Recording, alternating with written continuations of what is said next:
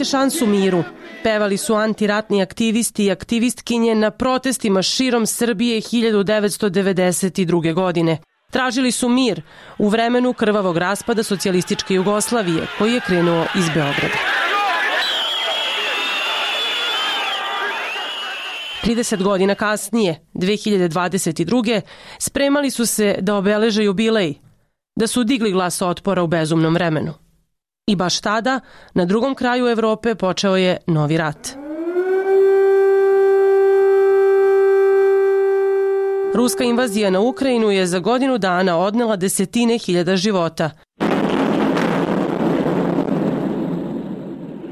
Razorila čitave gradove i raselila milione.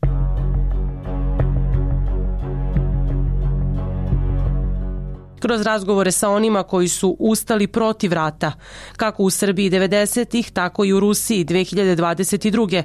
Novinarke Radija Slobodna Evropa, moje koleginice Iva Martinović i Žarka Radoja, pokušale su da dođu do odgovora. Kako se boriti za mir dok vlasti otvaraju frontove. Ja sam Nevena Bogdanović, a ovo je podcast Zip zaviri ispod površine. Ostanite sa nama.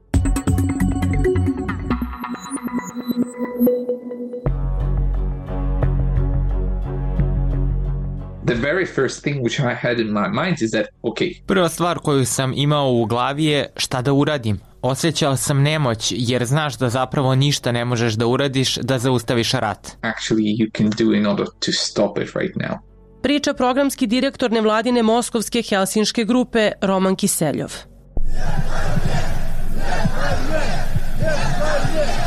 Od prvog dana invazije na Ukrajinu 24. februara 2022. u Rusiji su krenuli protesti i antiratne akcije protiv onoga što Moskva naziva specijalnom vojnom operacijom. Bilo je važno reći svetu da postoje ljudi koji se ne slažu sa ovim ratom. People which are not agreed with, with this war. Ali masovne proteste širom Rusije po početku invazije policija je ugušila. Od tada su pojedinci uglavnom sami izlazili na ulicu ili se ratu protivili na društvenim mrežama.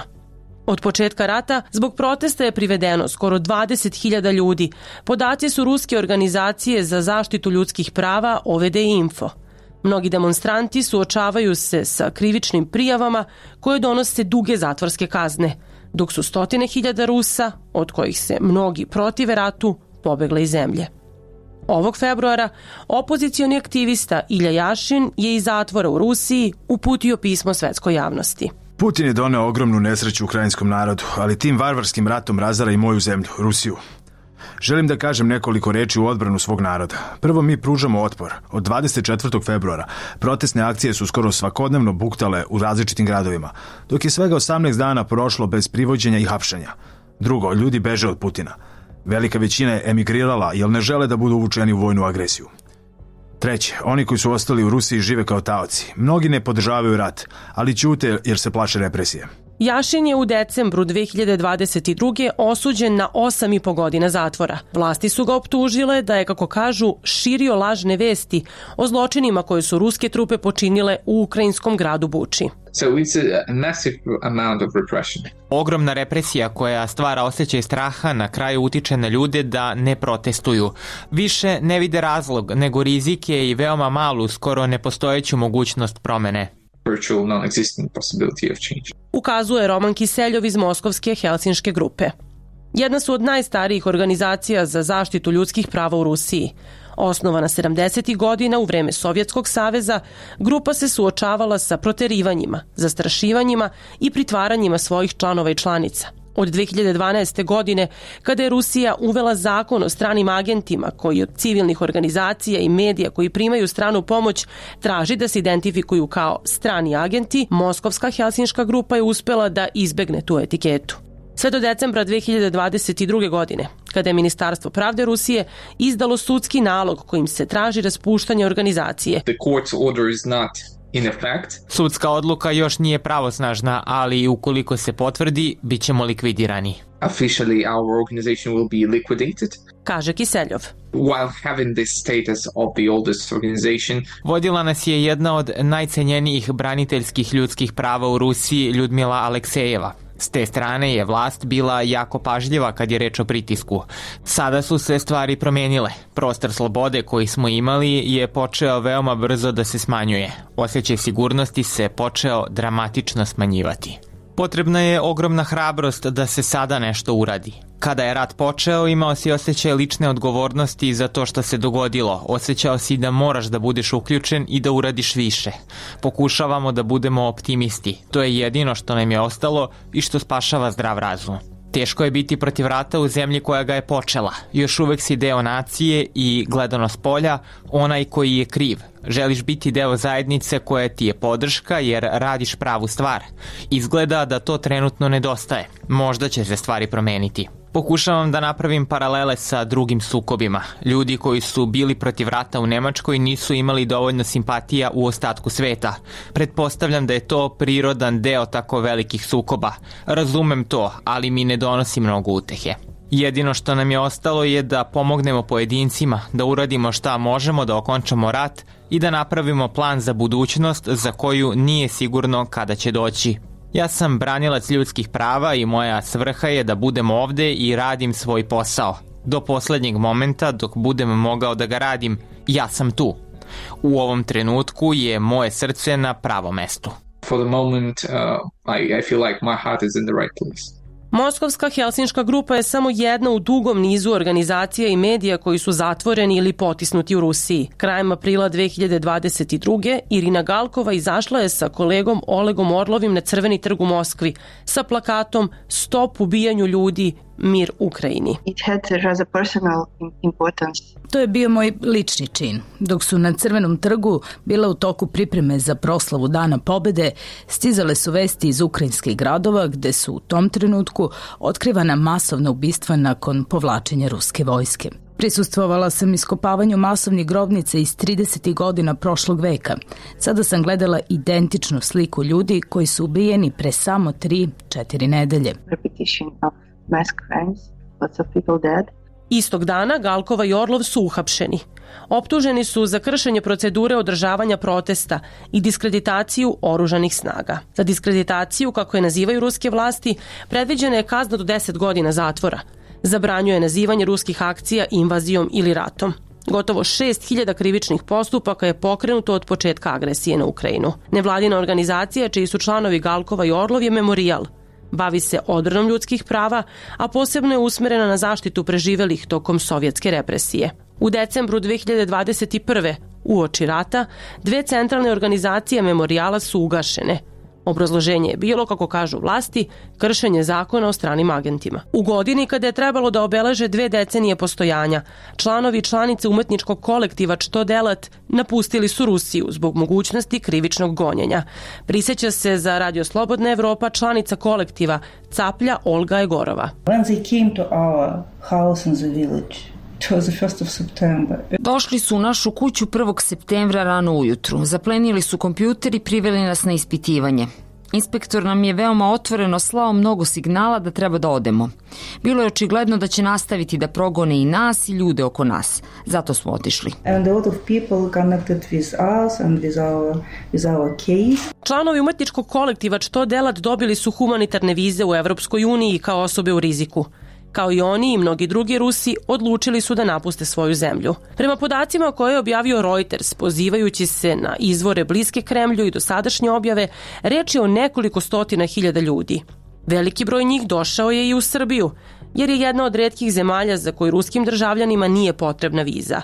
Neki su se priključili antiratnim protestima koje od početka invazije na Ukrajinu u Beogradu zajedno organizuju ruska, ukrajinska, beloruska dijaspora i antiratni aktivisti iz Srbije.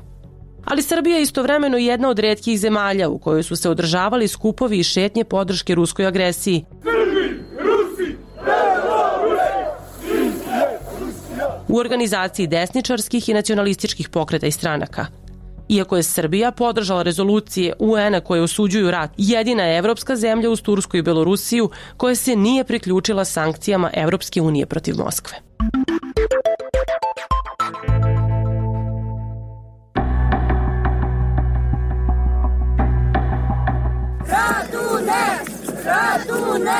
Sloboda Ukrajini! Ukrajina nam je Na protestima protiv rata u Ukrajini u glavnom gradu Srbije 2022. bili su i oni koji su pre tri decenije ustali protiv ratova u bivšoj Jugoslaviji.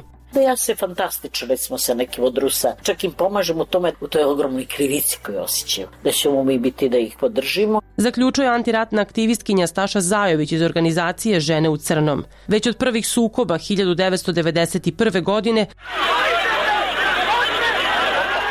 Pojedinci i grupe u Srbiji usprotivili su se tadašnjem režimu na čelu sa Slobodanom Miloševićem, koji je pokretao ratove u Hrvatskoj i Bosni i Hercegovini antiratnim akcijama i protestima javno su ustali protiv ubistava, genocida, etničkih čišćenja, opsada i bombardovanja gradova u ratovima, od kojih je Srbija poslednji vodila na Kosovu od 1998. do 1999. godine. To ono što meni recimo bilo interesantno, te akcije krenule dosta brzo, nije bilo potrebno sada mnogo vremena da se oni organizuju i bilo mi interesantno da, da su se spontano, da kažem, povezivali. Priča istoričarka Sanja Radović. Kada sam razgovarala sa važnim aktivistima iz 90-ih, kad sam uh, ih pitala kako su svi povezali. Nije bilo interneta, nije bio event na Facebooku, dođi danas u pet ispred Skupštine, kako ste se vi povezali i shvatili da želite da protestujete. I onda su mi mnogi od njih rekli, pa dobro, mi smo neko je nekoga znao, pa je neko nekog poznavao iz, iz viđenja, pa je ne znam, neko stao na ulici spontano, pa je onda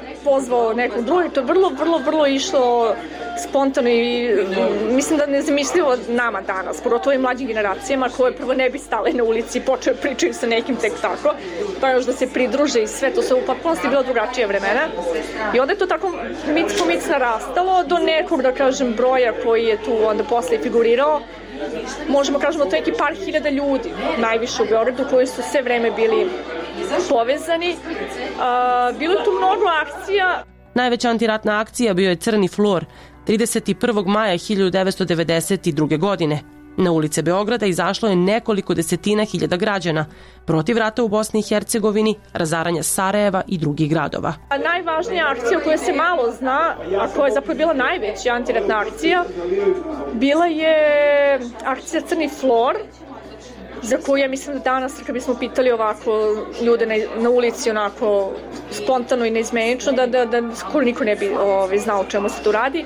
Ideja je bila da se ljudi grupišu, dakle ne kao masa na običnom protestu onako da, da kažem u neki krug, nego da se razvuku duž razvija od Slavije do Plate Albanije, da stoje kao u nekoj koloni i da drže improvizovani crni flor, znači traku koja bi bila dugačka kilometar i 300 metara. To naravno nisu mogli da nađu platno koje bi baš bilo dugačko, nego su to improvizovali sa nekim kartonima ili već sličnim materijalima koje su onda to spojili, spojili i napravili taj crni flor. I uh, u toj akciji učestvovali 50.000 ljudi. I što nije mali broj. Opsada Sarajeva bila je jedna od najdužih u istoriji modernog ratovanja.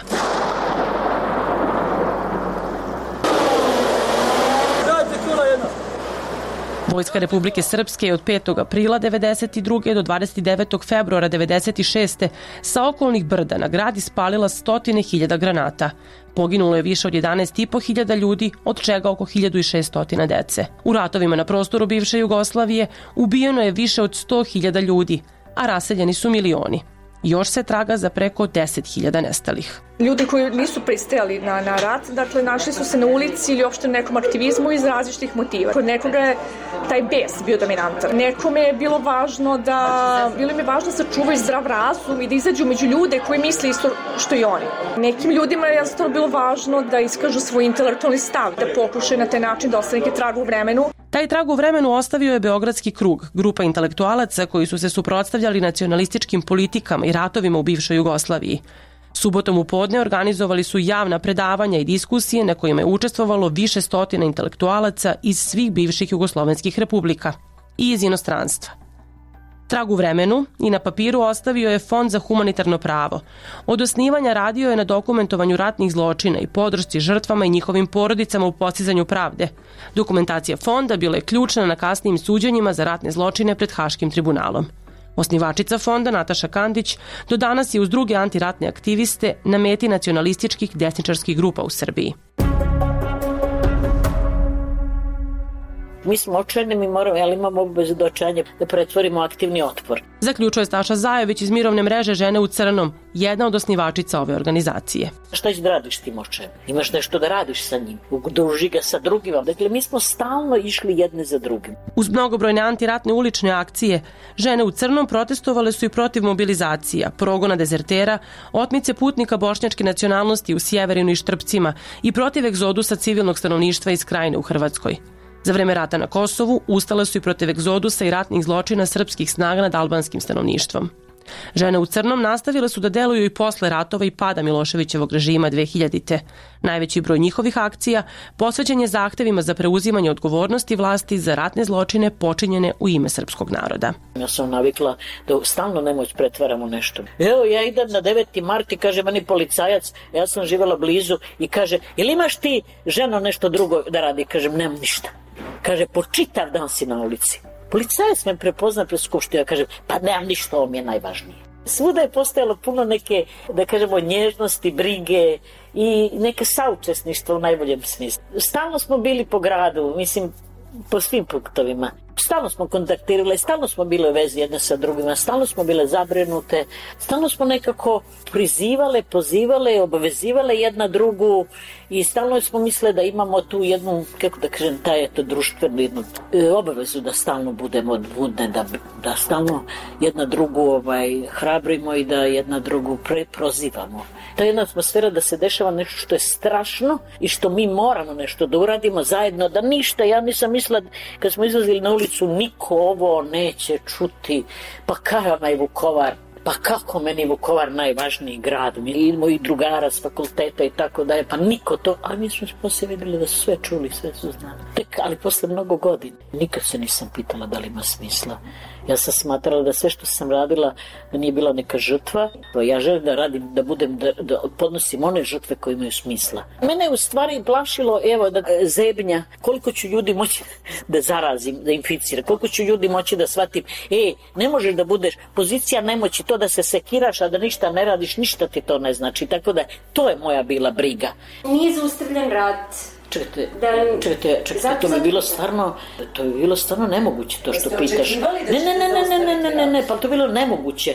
Nikada nisam le tu iluziju jer je to prosto ograničena moć. To je, taj minimum je možda maksimum bio. Ja sam samo smatrala da, kome se ja obraćam? Ja se obraćam, mislim, ljudima koji su žrtve onoga države i, i, i zločina počinjenih u mojima. Ja se njima obraćam i stalo mi je bilo. Kad, sam ja, kad smo mi shvatili da su žene u Zenici ili u Mostaru čule, Mostarke niste same, pa slušajte, pa ne to da ima smisla. To sam kasnije to, ali dok smo mi to bile, nismo znale, mislim. Znala u tom trenutku. Ne, nisam znala u tom trenutku, ali to je bilo opstala je borba za smisao, za postojanje, mislim, pa šta su brigadisti, interbrigadisti su najveći poraz doživjela, šta je najveća pouka?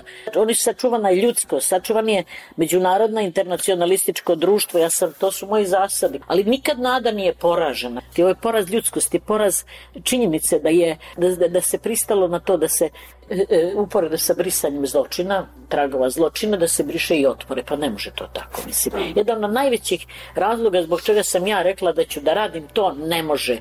Ne može da se briše otporom. Ali neka, Možda će jednoga dana, mislim, to kontraarhiva, kontrasećanje biti bitno za istoriju. Kad je bio rat u Višoj Jugoslaviji, ja sam sebi rekla da imam obavezu da ostanem sebi sam. Da, da se rekla, ne, ne, ne, ovo je sad, ovo je sad moja stvar. Ovo je moja stvar, mislim, a da nije bilo rata ne bi bilo živjela ovdje. Ne bi živjela ovdje, to je sigurno. A kako se vlast 90-ih odnosila prema demonstrantima? Opisuje istoričarka Sanja Radović. Ne možemo da kažemo da je postojala represija protiv antiratnog pokreta. On je neki način ignorisan. Vratno se prepoznalo na početku da nije dovoljno opasan, da nije dovoljno veliki i onda su oni tolerisani. Dakle, tolerisani su u javnom prostoru. Početkom rata u Hrvatskoj 1991. godine u Srbiji su počele masovne vojne mobilizacije, posebno u Vojvodini. Ne damo decu i ne damo, složite se, svi roditelji, ne damo odavde naš svet. Ubijte nas, svi ćemo mrtvi, djece ne damo. Nemamo gde da ih šaljemo, nemamo kome da damo naš svet. Sedam dana majka u skupštini moli, ne znam da li živ, da li mrtav. Ne dam. Ne dam da moje Ne dam. To je dovelo do prvih antiratnih protesta u vojvođanskim gradovima i selima, ali i odbijanja odlazaka na front. Nem megoldható, megoldható abból a szempontból... Hazudik! Hazudik! Hoćemo mir, nećemo rat. Poručivalo je početkom novembra 91. hiljade ljudi sa protesta u vojvođanskim mestima Senta i Ada. Nesvakidašnji otpor se odigrao i u obližnjem vojvođanskom selu Trešnjevac 92. godine. Protestu žena protiv mobilizacije 1. maja priključilo se cijelo selo, a istog popodneva više od 90 tenkova Jugoslovenske narodne armije opkolili su ovo mesto. Jeste se plašili? Da, od čega? Kada su se tenkovi pojavili? Od, od čega? Od čega da se bojim? odgovara Lajoš Bala. U to vreme je bio direktor škole u Trešnjevcu i poslanik opozicione demokratske zajednice vojvođanskih Mađara. Tenkovi su se povukli, ali su meštani odlučili da povlačanja sa protesta nema. Meštani se pobunili. Konkretno žene, ženski svet sela se pobunila i onda su započele oni sa organizacijom prvo jednog velikog e, sastanka, u stvari mitinga, i, i posle je došlo sve do takvog razvoja da smo prešli u, u klub Zicer. Vojni obveznici, organizatorki i organizatori protesta prešli su u lokalnu pizzeriju i bilijar klub Zicer. Sledećeg jutra u Ziceru i njegovom dvorištu bilo je više od 200 ljudi, koji se u narednih meseci i po dana neće vraćati kućama.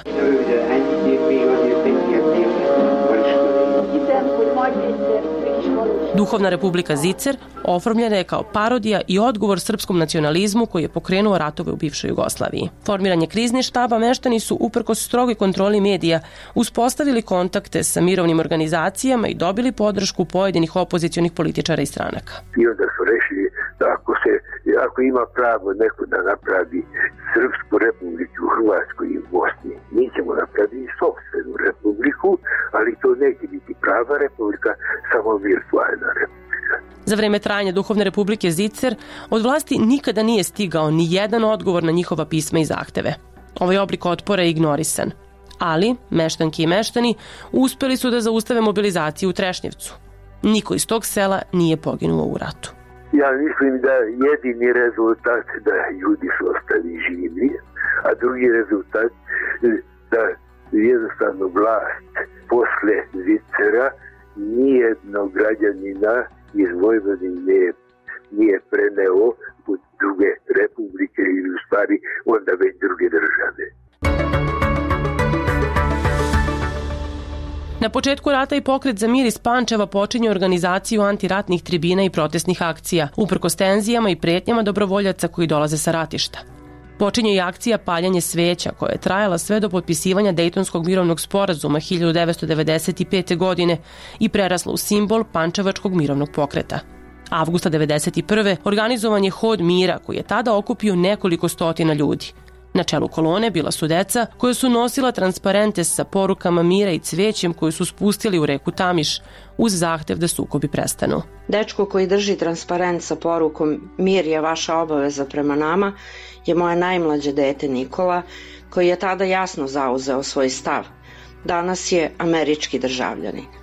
Svi transparenti nastali su u našoj porodičnoj kući. Priča današnja direktorka građanske inicijative Pančevo, Ljiljana Spasić. Neverovatno je bila hrabrost, strast, snaga našeg uverenja da možemo učiniti sve kako bi zaustavili rat. Niko od nas tada nije razmišljao o sebi, niti je u nama bilo straha za sobstveni život. Oko nas je mnogo unesrećenih i obespravljenih ljudi u tom periodu.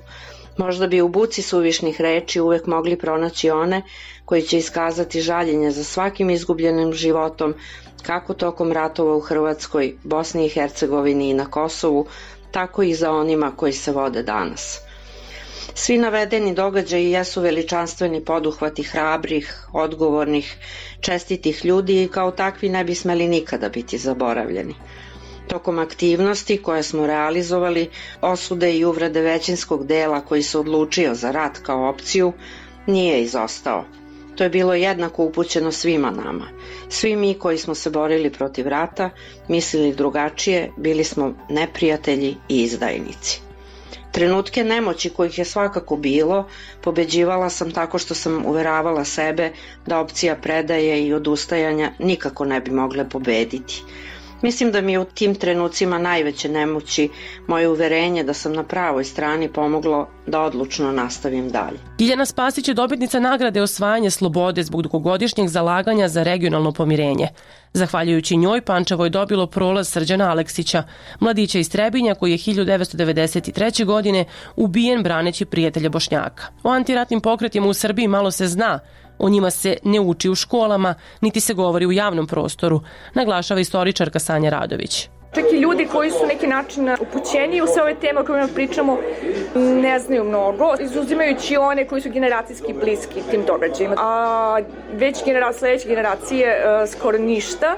Sanja je deo tima projekta Nepristajanje koji je posvećen antiratnoj sceni Srbije i prvi je korak ka stvaranju muzeja 90-ih. Budući digitalni muzej pokrenut je sa idejom sakupljanja i čuvanja od zaborava svedočanstava o poslednjoj deceniji 20. veka na prostoru bivše Jugoslavije. Ako nemamo sećanje da su pre nas postoji ljudi koji su se protivili, onda je mnogo lakše manipulisati danas ljudima i ubeđivati ih da je to sve u redu. Svi ti mali, sitni glasovi koji god bili izgledali danas nama mali i sitni, oni su izuzetno važni jer oni negde vremenom postaju sve važniji i u zbiru daju nadu ljudima koji dolaze posle njih je stvari uh, moguće menjati. Beograd do danas nije prihvatio odgovornost za ratove 90-ih. Baš kao što i Moskva, koja odbija da upotrebi reč rat, odbacuje krivicu za zločine i razaranje Ukrajine. Gde su danas ličnosti Srbije i Rusije, objašnjava istoričarka Dubravka Stojanović. Pa, mnogo je toga zajedničko i mnogo je više toga zajedničko nego između Srbije i evropskih država. Znači, one se prepoznaju pre svega po autoritarizmu i po nacionalizmu i po izvešnom, eh, da tako kažemo, imperializmu, mada su eh, te dve države u tom smislu neuporedive po svoje veličini. To su neke ključne tačke, dakle neka uh, samorazumevanje sebe kao ključnog faktora u tom delu sveta gde ste, pa sad bez obzira da li je to Mali Balkan ili je to Evroazija, uh, razumevanje sebe kao neko, neke vrste gazde, da su svi oko vas uh, neki mali otpaci od vas samih, da ste vi dužni kao otprilike velika sila da da im pomognete da se razviju, kako se to obično e, govorilo u klasičnom imperializmu ili da im pomognete jel, da se oslobode svojih nacista, kao što je to sada ruske, ruski narativ. Prema tome, pre svega taj narativ o sebi kao velikoj sili, velikoj državi koja ima više prava od drugih, taj ogromni nacionalizam kao ključna ideologija koja guta sve drugo i autoritarizam, dakle u potpunosti suprotstavljen e, podeli vlasti, institucijama, svođenje svega na vlast jednog čoveka, ukidanje svih sloboda da bi ta vlast bila moguća. Dakle, ako uzmemo sve te ključne faktore, mi vidimo tu dubinsku bliskost koja sigurno e, raste u Srbiji, ali vidimo i u nekim drugim državama, Mađarskoj, na primer, više vezuje politički za Putina od, koje on, od kojeg oni mogu dobiti podršku, a ne od evropskih država koje ne bi to trebalo da podržavaju sa Rusijom se takođe identifikuju svi oni koji su podržavali srpske ratne ciljeve u 90. i oni vide na neki način e, osvetu za e, četiri izgubljena rata koje je Srbija izgubila 90. godina i e, nekako se identifikuju kao da bi e, ruska pobeda bila neka vrsta revanša i za to. Međunarodni sud za bivšu Jugoslaviju zatvorio je svoja vrata 2017. godine, ali procesi protiv osuđenih za ratne zločine još traju pred mehanizmom za krivične sudove u Hagu. U istom gradu, Međunarodni krivični sud je 2022. godine otvorio istrage o ratnim zločinima ruskih snaga u Ukrajini.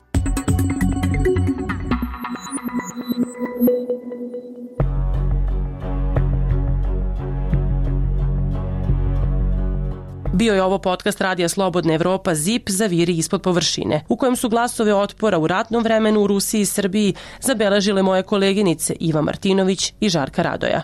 Ja sam Nevena Bogdanović, a dok čekate novu epizodu Zipa, potražite naše podcaste na platformama Podcast RS, iTunesu, Google podcastima, Spotifyu, na našim nalozima na društvenim mrežama i sajtu slobodnaevropa.org. Do slušanja.